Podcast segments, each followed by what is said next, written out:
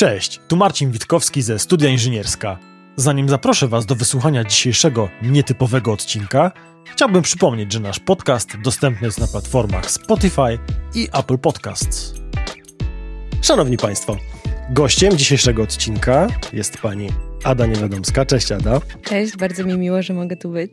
Razem z Adą przełamiemy dotychczasowy format naszego podcastu.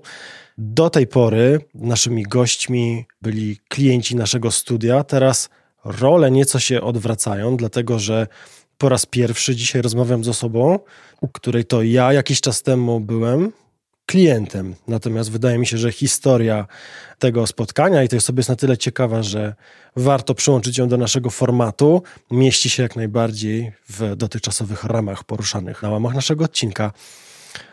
Ada, spotkaliśmy się ponad dwa tygodnie temu w salonie tatuażu.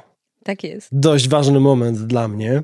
Dlaczego się tak wydarzyło, podejrzewam jeszcze, powiemy sobie w dalszym ciągu tego odcinka. A teraz chciałbym, żebyśmy zaczęli rozmowę od samego początku w ogóle. Od pomysłu na tatuaż, od. No właśnie, jak to się dzieje, że nagle w głowie pojawia się pomysł, że ja mogłabym zdobić czyjeś ciało. Mogłabym tworzyć sztukę, która będzie na kimś, dostępna właściwie do końca życia. Wiem, że macie swój żart, że tatuaż nie jest, jak to się mówi, ostateczny, jest zawsze, nie tak. jest na zawsze. Natomiast z punktu widzenia osoby, która podchodzi do tematu, wydaje się właśnie dokładnie na odwrót. Spróbuj nam powiedzieć, Ada, jak to się wydarzyło? Skąd taki pomysł? Kiedy się to zaczęło? I jaka droga zaprowadziła cię do tego, czym teraz się zajmujesz? Myślę, że moje początki były dosyć nietypowe, ponieważ większość znajomych mi artystów, tatuatorów, raczej to jest coś, co oni robili od zawsze, rysowali już od dziecka. Natomiast moja historia z tą dziedziną zaczęła się na drugim roku studiów finansowych. Pamiętam, że siedziałam wtedy na bardzo ciekawym, oczywiście, wykładzie z matematyki finansowej i wypisał mi się długopis. I w tym momencie koleżanka Ania, którą serdecznie pozdrawiam, pożyczyła mi swój taki żelowy, który był przepiękne, grube linie. No i zaczęłam nim rysować tam, i to był taki starting point mojej przygody z rysunkiem. Przez długi czas myślałam, że te studia były mi zbędne przy tym, ponieważ robię coś kompletnie innego. Ale patrzę teraz na to jak na taki efekt motyla, ponieważ gdybym nie była, nie poszła na te studia, to prawdopodobnie moja ścieżka. Tak, gdyby, y, gdyby ten długopis się wtedy nie wypisał, tak, dokładnie. Prawdopodobnie nie zaczęłabym rysować, lub stałoby to się zdecydowanie później. Mhm. Chociaż powiem ci, że jak się patrzy na twoje prace, bo tak naprawdę trafiłem do ciebie dlatego, że przejrzałem tych prac bardzo dużo, odnosi się wrażenie, jakbyś robiła to od zawsze. Bardzo miło mi to słyszeć. Że, że to nie jest rzecz, która przyszła do ciebie tak naprawdę już w takim dorosłym wieku na studiach. Jakoś trudno mi uwierzyć, że wcześniej nie próbowałaś rysunku. Domyślam się, że to był taki pierwszy punkt, gdzie może się coś faktycznie zapaliło bardziej. Tak, tak, tak. To był taki pierwszy moment, w którym coś narysowałam i stwierdziłam, kurczę, fajnie to wygląda, może chciałabym to eksplorować i robić dalej. Natomiast wtedy jeszcze to było w dalszym ciągu długopisem na kartce. Tak, tak, zdecydowanie, na matematyce finansowej, tak. Na matematyce finansowej, Mhm. tak jest. No więc tak przez jakiś czas sobie rysowałam w tym moim zeszyciku. Po czym przyszła pandemia. W tamtym czasie pracowałam w teatrze. No i jak wiemy, teatry zostały zamknięte, więc potrzebowałam nowej pracy. I przez znajomych trafiłam do studia tatuażu Warsaw Inc., w którym na początku pracowałam jako asystent menadżera. I wiesz, jakby przebywanie z artystami budzi w tobie taką chęć kreacji, że też byś coś. No więc rysowałam trochę więcej i pewnego dnia menadżerka studia, a teraz moja przyjaciółka, powiedziała: Słuchaj, te twoje rysunki nadają się na tatuaże. I to był ten moment zapalny, w którym stwierdziłam: Kurczę, to może ja też. Chociaż patrząc na innych artystów, to miałam takie, a co ja rysuję od dwóch lat, czy tam od roku. Nie było to najprostsze. W każdym razie ćwiczyłam dalej ten rysunek pod czujnym okiem współartystów ze studia. No i jakoś to tak Poszło. poszło, no. Mhm. Ja się odrobinę wtrącę, bo trochę chciałbym rozwinąć tą historię i może uczynić ją trochę bardziej uniwersalną. Mhm. Bardzo często przy podziwianiu sztuki innych artystów wiele osób odczuwa takie wrażenie, że o, ja też mógłbym coś takiego robić. Mhm. Ale mimo wszystko niewiele osób się na to decyduje. To prawda. To jest troszkę tak, jak się stoi przed obrazami Poloka, widzę te kropki i te maźnięcia farbami i myślę sobie, pff, nic prostszego, że ja też mógłbym coś takiego zrobić. No ale właśnie tak jakby, co nas odróżnia od tego Poloka, to to, że większość z nas tego po prostu nie robi. Mhm. Po drugie, nie ma do tego ani warsztatu, ani zaplecza, ani techniki i, i te, tego wszystkiego, co jest potrzebne do tego, żeby te kropki właśnie zawisły w formie obrazu na ścianie, czy ja zrobię taką tutaj analogię w postaci pięknego tatuażu na czyimś ciele.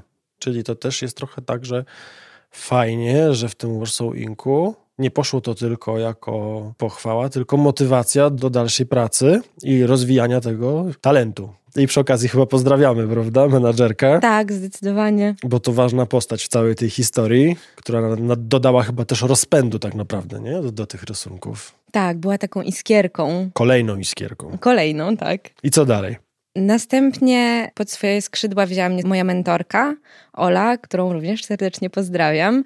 No i ćwiczyłam warsztat, co na początku było w ogóle bardzo stresujące, ponieważ wykonanie pierwszego tatuażu na kimś, zresztą na liwce, menadżerce, Myślę, że poziom stresu można porównać do matury albo zdawania na prawo jazdy. Okay. Wbijasz w kogoś igłę mhm. po raz pierwszy, ponieważ wcześniej ćwiczy się na sztucznych skórach albo na owocach i mhm. ten przedmiot nie cierpi tak. i, i nie zosta znaczy, zostaje to na nim na zawsze, ale jakby Rozumiem, nie tak, jesteś żywy człowiek tak, tak naprawdę, tak. bo mówimy teraz o tatuowaniu jeszcze koleżanki w ogóle, tak, tak, tak. Natomiast mówiąc warsztat, gdzieś tam przeszliśmy faktycznie od etapu rysowania, projektowania do już tak naprawdę nauki fachu. Tak. Prawda? Czyli tej strony, jak to zrobić, żeby ten teraz pomysł, ta grafika znalazła się w trwały i przewidywalny sposób na czyimś mm. ciele. Jak powiedz, wspominasz ten czas? To znaczy, nawet nie myślę o tym pierwszym tatuażu, który mówisz, był jak matura. To się absolutnie nie dziwię, bo jestem sobie to w stanie wyobrazić, że to są. Ja, ja wiem, jakie ja miałem emocje, kiedy sam byłem, że tak powiem, po drugiej stronie tej igiełki, ale kiedy ta osoba musi to pierwszy raz zrobić faktycznie, no to musi być, może uczuć tak. Niekoniecznie przyjemnych, ale na pewno jakaś taka fuzja, nie? I ekscytacji. To ja to z takiej czystej ciekawości zadam takie pytanie. Ile zajmuje na przykład, albo ile zajęło tobie czasu takie ćwiczenie, czyli od tych pierwszych twoich prób warsztatowych do momentu, w którym odważyłaś się właśnie na tej koleżance wykonać taki pierwszy tatuaż? Myślę, że było to kilka miesięcy, ale ta praca też była z różną intensywnością. Czasami potrafiłam robić to godzinami, a, a czasami przez Mniej. długi czas nie, tak. No, natomiast to chyba też jest troszkę tak jak w każdym fachu, że to też nie jest tak, że po tych pierwszych próbach nagle człowiek staje się mega tatuatorem, tylko gdzieś tam się te umiejętności, ten skill cały czas buduje. Mhm. Nie, że tak jakby poznajesz nowe techniki, poznajesz nowe inspiracje, dowiadujesz się w ogóle o jakichś nowych podejściach do sztuki, które wcześniej można było sobie trudno wyobrazić, nie? albo właśnie nie wyobrażać. No, tym bardziej, że te pierwsze prace są często demotywujące, bo oczami wyobraźni widzisz piękną mandalę, którą chciałabyś zrobić, a potem ten tatuaż jest taki, hmm, pozostawia nieco do życzenia. Ale na pewno na długo zostaje gdzieś tam w pamięci, nie? Ten pierwszy. Zdecydowanie. No, ale poszło. Tak. I w Warsaw Inku zaczęłaś też pracować jako tak, tak. tak. Przeszłam na praktyki, przestałam pracować na poprzednim stanowisku i zajęłam się tylko tym. Mhm. Przejdźmy dalej, bo Warsaw Inc. to też jest jakaś taka historia, która w sumie chyba się skończyła. Pracujesz teraz dalej w innym miejscu, w którym się już poznaliśmy. Nie wiem, czy możemy pozdrawiać, czy nie możemy pozdrawiać. Możemy, jak najbardziej. To pozdrawiamy. Pozdrawiamy Tusze, tak jest. Tak jest, pozdrawiamy, podlinkujemy, zapraszamy serdecznie. Bardzo fajne miejsce, poniekąd odpowiedzialne trochę za powstanie dzisiejszego odcinka. Ada, powiedz, na czym ty teraz pracujesz? Co rozwijasz? Co ciebie teraz w tym momencie najbardziej interesuje? Większość moich prac to są albo motywy roślinne, głównie rycinowe, jak w starych książkach do biologii, mhm. albo ornamenty, czyli to, co masz tam na sobie. Tak. I to jest takie moje główne zainteresowanie teraz. Główna oś taka rozwoju. Tak. Okay. A skąd w ogóle pomysł na tego typu? Bo to tak bardzo wyraźnie widać w tych pracach, nie? że tam są takie dwa tory, one się bardzo często w ogóle ze sobą też troszeczkę przecinają. Tak, tak, przepadają się. Skąd taki pomysł, skąd ta strona? Kurczę, nie wiem, czy potrafię wskazać konkretną rzecz. Po prostu jak to rysuję, jak to tatuję, to czuję, że to jest coś, co mi w duszy gra. Bo to też jest tak, że każdy tatuator ma swój jakiś taki unikalny styl, prawda? Tak. Swoją potrzebę i ekspresji i też te tatuaże, z tego co się orientuję, powinny być czymś niepowtarzalnym, prawda? Unikatowym, bez dubli. Tak, tak. Każdy projekt wykonuje się tylko raz. Więc też jest to zawsze jakiś tam przejaw tej twórczej strony tatuatora. Mhm. Mówimy o tatuażu w kontekście sztuki w tym momencie już. Mhm. No właśnie, jak to z tą sztuką jest? Jak to wygląda oczami tatuatora, bo rozmawialiśmy sobie, ile w tym jest grafiki, ile w tym jest wzornictwa, a ile jest w tym faktycznie ekspresji i wyrazu twórcy. Jak ty to czujesz, Ada? Okiem twórcy. Mhm. No bo ja jestem tak jakby teraz po drugiej stronie. Ja jestem człowiekiem, który powiedział: Cześć, mam taki pomysł. Mhm Chciałbym mieć jakiś taki motyw tutaj u siebie na ciele. Podobają mi się Twoje prace. Czy jesteśmy w stanie coś wspólnie zrobić? Wspólnie to jest chyba za dużo powiedziane, bo tak naprawdę przyniosłem pomysł, podbiłem wzór i powiedziałem: Bardzo lubię Twoje ornamenty, proszę. Ale jak to wygląda z drugiej strony? Jak Ty to czujesz? Rozmawiałam ostatnio z moją przyjaciółką, która szyje. No i ona mówi: Słuchaj, to jest niezwykłe, że siadasz z klientem i pomimo tego, że nie wiem, masz gorszy dzień czy coś, musisz coś narysować. I w ogóle to, że powiedziałeś, że wspólnie tworzymy, to jak najbardziej jest prawdziwe moim zdaniem, ponieważ nie dość, że przynosisz pomysł, to jeszcze jesteś w stanie mnie jakoś nakierować, że to mi się podoba, to mi się nie podoba, chciałbym, żeby bardziej było w tę lub w tamtą stronę. To jest bardzo ważne i pomocne. No ale to wiesz, tak jakby wymaga z twojej strony i warsztatu, i też takiej elastyczności w przełożeniu bardzo różnych słów, no bo przecież każdy klient posługuje się innym słownikiem i inną wizją. W ogóle mówimy o wyobrażeniu, o jakiejś totalnej abstrakcji. Mm -hmm. Teraz próbujemy to przełożyć na jakieś, no nie bójmy się tego w słowa, na dzieło sztuki, tak? Na grafikę piękną. Więc to wymaga na pewno nie lada umiejętności i właśnie ta translacja z tej rozmowy, z dyskusji, z pomysłu, ja to bym pod wrażeniem, że się w ogóle tak szybko dzieje. Że w zasadzie jest pomysł, tutaj tu kropki, tu uh, uh, uh. I, i, i tak naprawdę gdzieś to powstawało na moich oczach na bazie jakiegoś pomysłu, który gdzieś tam wcześniej sobie przesyłaliśmy w szkicach. No ale w zasadzie dla mnie to, co powstało, było nawet lepsze od tego, co sobie wyobrażałem. Także wydaje mi się, że jest w jest naprawdę wiele sztuki, przynajmniej na takim poziomie tworzenia, prawda? Bo to też jest tak, że no nie oszukujmy się, chyba tatuaż tatuażowi nierówny, tak? I w sumie tak jak w każdym fachu można trafić e, lepiej i można trafić nie tak dobrze. Zdecydowanie przeprowadzałem taki mały research do tego naszego odcinka. Sprawdzałem trochę statystyk. Mhm. Nawet gdzieś tam dotarłem do jakichś procentowych wyliczeń względem tego, ile osób na przekroju społeczeństw w różnych rejonach świata procentowo decyduje się, nawet nie mówimy teraz o samej sztuce wykonywania tatuażu, ale decyduje się w ogóle na posiadanie czegoś takiego. Mhm. Nie? To też jest taka sztuka, która chyba przeżywa trochę rozkwit, mam wrażenie staje się coraz mniej takim elementem trochę jakby stygmatyzowanym, mam wrażenie, że coraz częściej dostrzega się w tym formę po prostu sztuki, rodzaj zdobienia ciała, niekoniecznie tylko sam symbol, który ma w jakiś sposób człowieka zdefiniować. Zdecydowanie tatuaż zdobywa coraz większą popularność i ludzie z przeróżnych środowisk decydują się na posiadanie tatuażu z różnych względów. I dla niektórych jest to ozdoba ciała, która służy temu, że łatwiej jest się zaakceptować i pokochać. A dla niektórych są to ważne symbole związane z wydarzeniem w życiu albo z miejscem. Z miejscem na przykład, tak. Ludzie przychodzą po naprawdę przeróżne rzeczy. I tak jak mówiłeś, jakby ktoś przychodzi i mówi, chciałbym coś, jako jakiś motyw w Twojej stylistyce, bo podobają mi się Twoje prace. Za każdym razem, kiedy to się staje, budzi to we mnie bardzo pozytywne emocje, ponieważ ktoś chce coś z mojej sztuki, moich rysunków na sobie. I tak jak mówiłeś, do końca życia. Chociaż to nie jest do końca życia. Tak, tak, tak.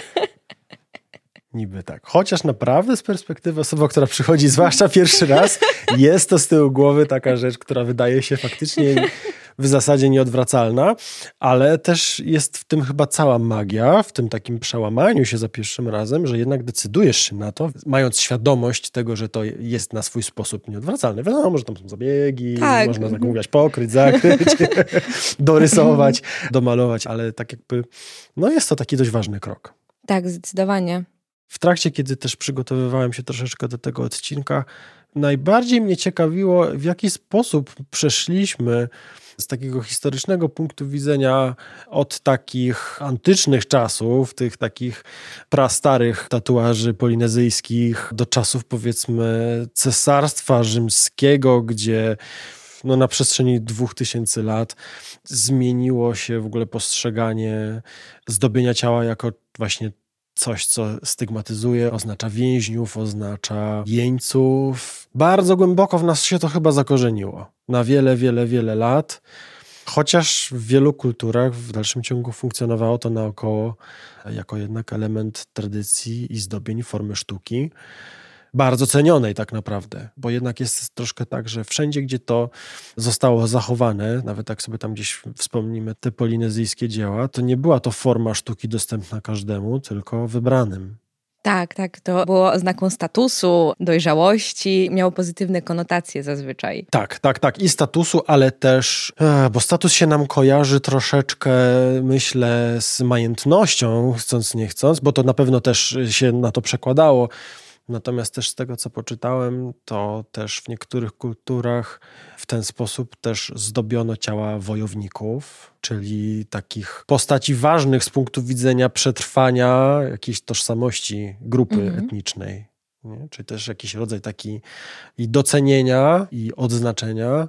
Czasami się zastanawiam, czy akurat ten element trochę nie przetrwał do dzisiejszego czasu, pod postacią tego, że czujemy u siebie coś takiego, że chyba musimy się jednak odważyć, żeby do tego tematu podejść. Mhm. Myślę o pierwszym razie. Nie myślę tam już po tym, jak człowiek wsiąknie w temat i, i, szuka po prostu wolnego miejsca na ciele, bo ma nowy pomysł, tylko myślę w ogóle o samym przejściu, że tak powiem, na drugą stronę mocy, tak? Bo ładną połowę życia, można tak powiedzieć, że życzę sobie 100 lat, ale ładną połowę życia zastanawiałem się na ten temat. Zawsze chciałem, jakoś nigdy nie mogłem się przełamać.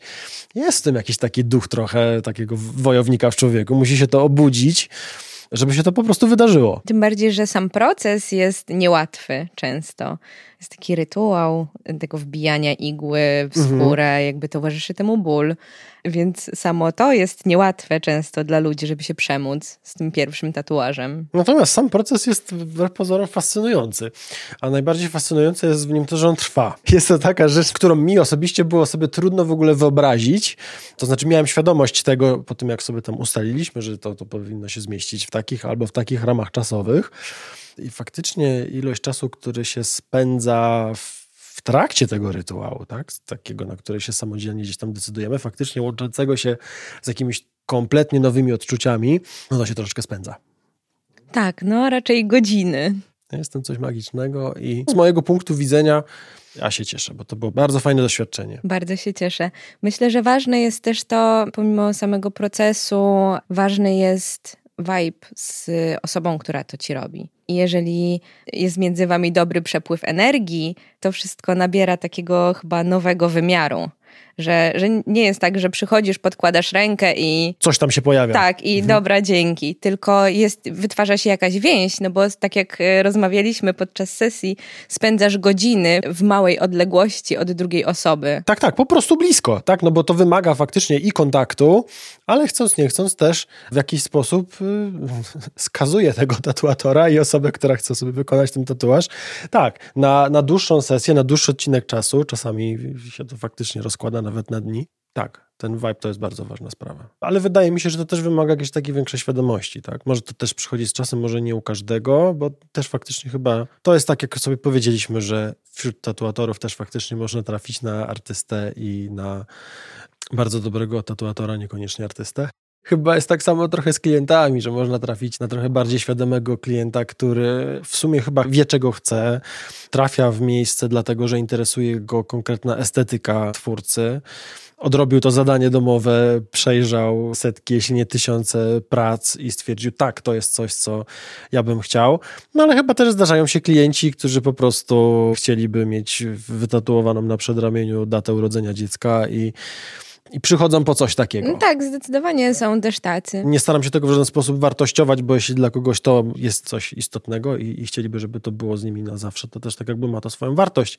Ale tu akurat w tym momencie chyba mówimy bardziej pod kątem sztuki na ciele niż samej wartości użytkowej grafiki. Czyli takiego przejścia, może to brzydko zabrzmi, przejścia z wzornictwa przemysłowego jednak na grafikę, na sztukę, na swego rodzaju obraz na ciele. To znaczy, myślę, że warto jest przy tym temacie wspomnieć o tym, że jak najbardziej są tatuaże typu napis, data, które oznaczają coś dla ciebie i trochę nie ma znaczenia, kto to wykona.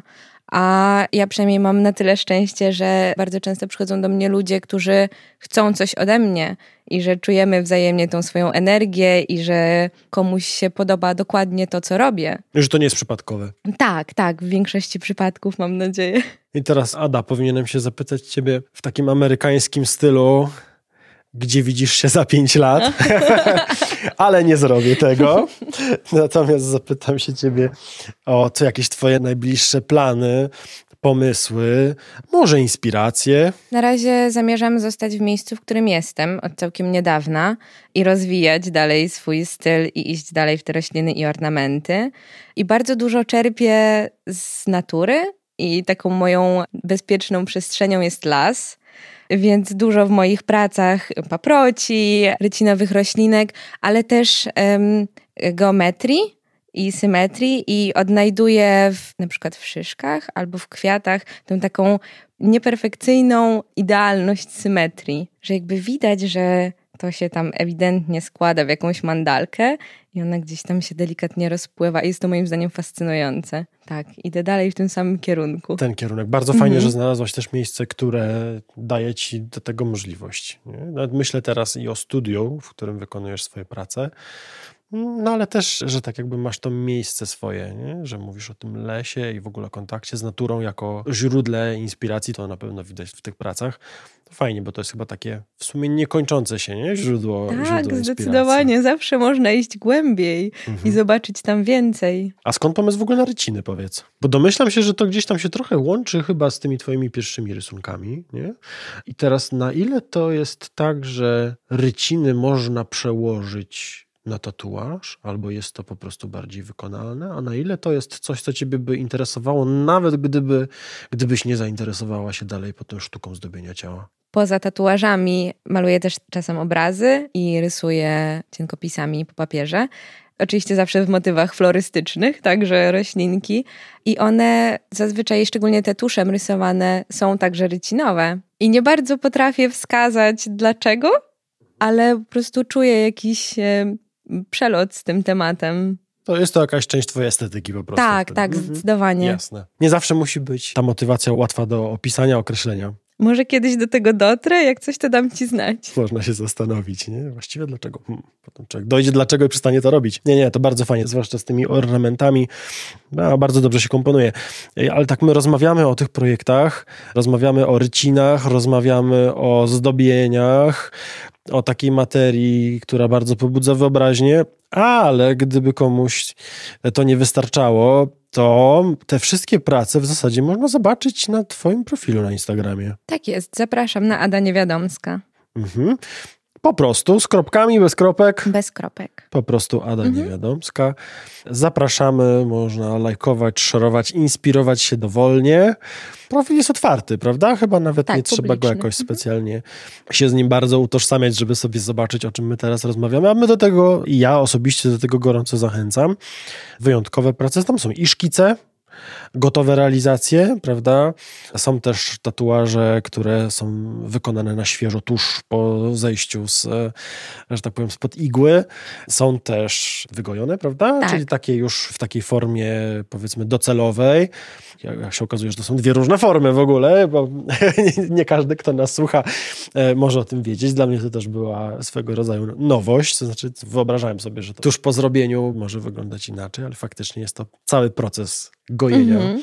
miejsca tatuowanego. Ada, żeby jakoś domknąć tę naszą rozmowę i zamknąć też ten temat inspiracji i lasu, no to ja życzę Ci po prostu niekończącej się inspiracji.